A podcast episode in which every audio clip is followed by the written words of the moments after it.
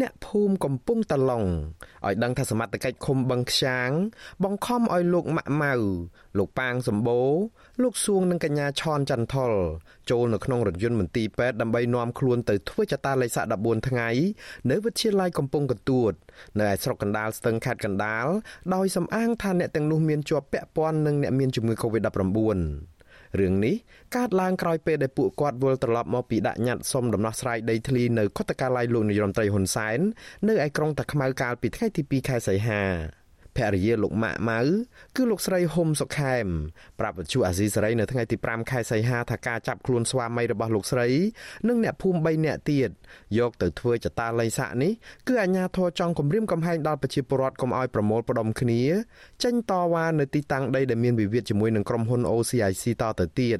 ព្រោះការដោះស្រាយកន្លងមកមិនត្រូវរើគ្នាលើតម្លៃដីពី3ដុល្លារទៅ8ដុល្លារនៅក្នុង1ម៉ែត្រការ៉េនោះ។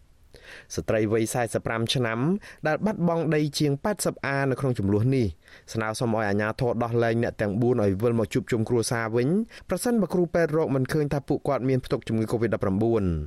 ប្តីខ្ញុំក៏អត់ដែរចាញ់តវាយញឹកញាប់ទេហើយអ្នក3នាក់ហ្នឹងក៏អត់ទៅដែរទៅដែរទៅមកទៅមកដងហ្នឹងគេចាប់គាត់ហ្មងទៅហ្នឹងចាប់ថាកូវីដហ្មង ឥឡូវហ្នឹង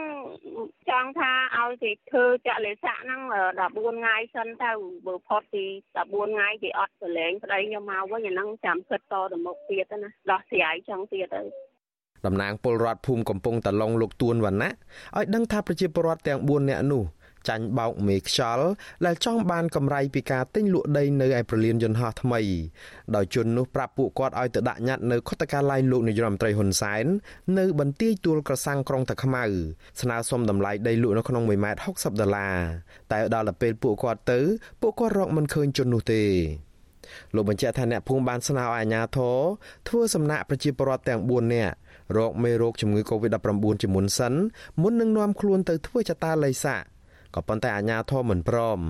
ពួកខ្ញុំបានខាត់ពួកគាត់ថាកុំទៅអីក្នុងកលតិស័កហ្នឹងគេធ្វើការបិទមិនឲ្យចេញចូលពីភូមិមួយទៅភូមិមួយស្រុកមួយទៅស្រុកមួយអញ្ចឹងគាត់ក៏អត់ស្ដាប់ពួកខ្ញុំគាត់ជឿតាមមេខ្យល់ផ្សេងតែគេចង់បានផលប្រយោជន៍របស់គេនោះបងដោយមិនមាន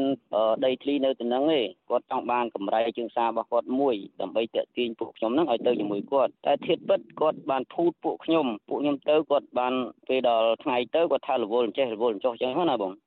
វិទ្យុអាស៊ីសេរីមិនអាចសុំការបំភ្លឺរឿងនេះពីអភិបាលស្រុកកណ្ដាលស្ទឹងលោកអ៊ូចសាវឿននៅថ្ងៃទី5ខែសីហាបានទេដោយលោកប្រាប់ថាកំពុងតែជាប់រវល់ប្រជុំបើទោះបីជាយ៉ាងនេះក្តីលោកបានប្រាប់សារព័ត៌មាន VOD ថាការនាំប្រជាពលរដ្ឋ4នាក់ទៅធ្វើចតាល័យស័ក គឺអនុវត្តតាមវិធានការរបស់ក្រសួងសុខាភិបាល ដើម្បីទប់ស្កាត់ការឆ្លងរីករាលដាលនៃជំងឺ Covid-19 ដោយសារតែពួកគាត់មានជាប់ពាក់ព័ន្ធនឹងអ្នកមានជំងឺនេះនៅពេលដែលទៅដាក់ញត្តិនៅខុទ្ទកាល័យលោកនាយរដ្ឋមន្ត្រីក៏ប៉ុន្តែលោកមិនបានបញ្ជាក់ឲ្យច្បាស់ថាតើពាក់ព័ន្ធបែបណានោះទេតើតងទៅនឹងរឿងនេះប្រធានផ្នែកឃ្លាំមើលសិទ្ធិមនុស្សនៃសមាគមអាត់ហុកលោកនីសុខា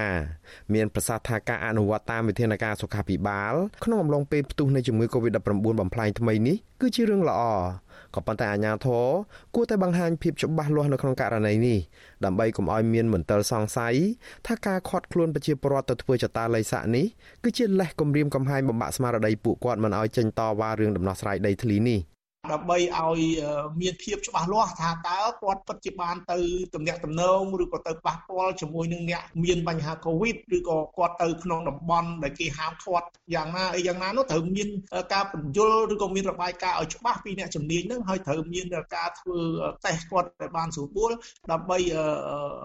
បើសិនជាយើងចង់ធ្វើការដាក់គាត់ឲ្យនៅចតាលិស័ក14ថ្ងៃអានឹងវាត្រូវតែមានអញ្ចឹងដើម្បីកុំឲ្យមហាជននឹងគេមានមន្ទិលសង្ស័យពីព្រោះរឿងនេះវាជារឿងផ្ដើមឡើងពីការទៀមទាទៅដាក់ញត្តិរឿងដីធ្លីចំនួនដីធ្លីរវាងក្រុមហ៊ុន OCIC របស់អង្គការពងខៀវសែជាមួយនឹងប្រជាពលរដ្ឋសរុបជាង300គ្រួសារនៅឯស្រុកកណ្ដាលស្ទឹងខេត្តកណ្ដាលអូសបន្លាយពេលជាង3ឆ្នាំមកហើយដោយប្រជាពលរដ្ឋមិនព្រមទទួលយកសំណងដែលអាជ្ញាធរផ្ដល់ឲ្យចន្លោះពី3ដុល្លារទៅ8ដុល្លារនៅក្នុងដី1ម៉ែត្រការ៉េនោះ។ ក្រុមហ៊ុនសាជីវកម្មវិនិយោគក្រៅប្រទេសហៅកាត់ថា OCIC របស់លោកពងខៀវសែដែលជាអ្នកជំនួញស្និទ្ធនឹងលោកនាយរដ្ឋមន្ត្រីហ៊ុនសែនទទួលបានសិទ្ធិសាងសង់ពលានយន្តហោះខ្នាតអន្តរជាតិមួយនៅទីនោះតាមគម្រោងក្រុមហ៊ុននឹងសាងសង់រួចរាល់នៅឆ្នាំ2023ពលានយន្តហោះថ្មីនេះវិនិយោគនៅក្នុងទឹកប្រាក់ប្រមាណជាង1000លានដុល្លារលើផ្ទៃដីជិត3000ហិកតា ប្រជាពលរដ្ឋដែលរងផលប៉ះពាល់ពីគម្រោងនេះស្នើសុំឲ្យលោកនាយរដ្ឋមន្ត្រីហ៊ុនសែនដោះស្រាយបញ្ចប់ចំនួនដីធ្លីនេះប្រជាពលរដ្ឋម្នាក់ថាពួកគាត់នឹងចេញតវ៉ាជាថ្មីទៀតរហូតដល់មានដំណោះស្រាយសមរម្យដែលអាចទទួលយកបានខ្ញុំបាទមុងណារ៉េត With you Azizi Saray ពីរដ្ឋធានី Washington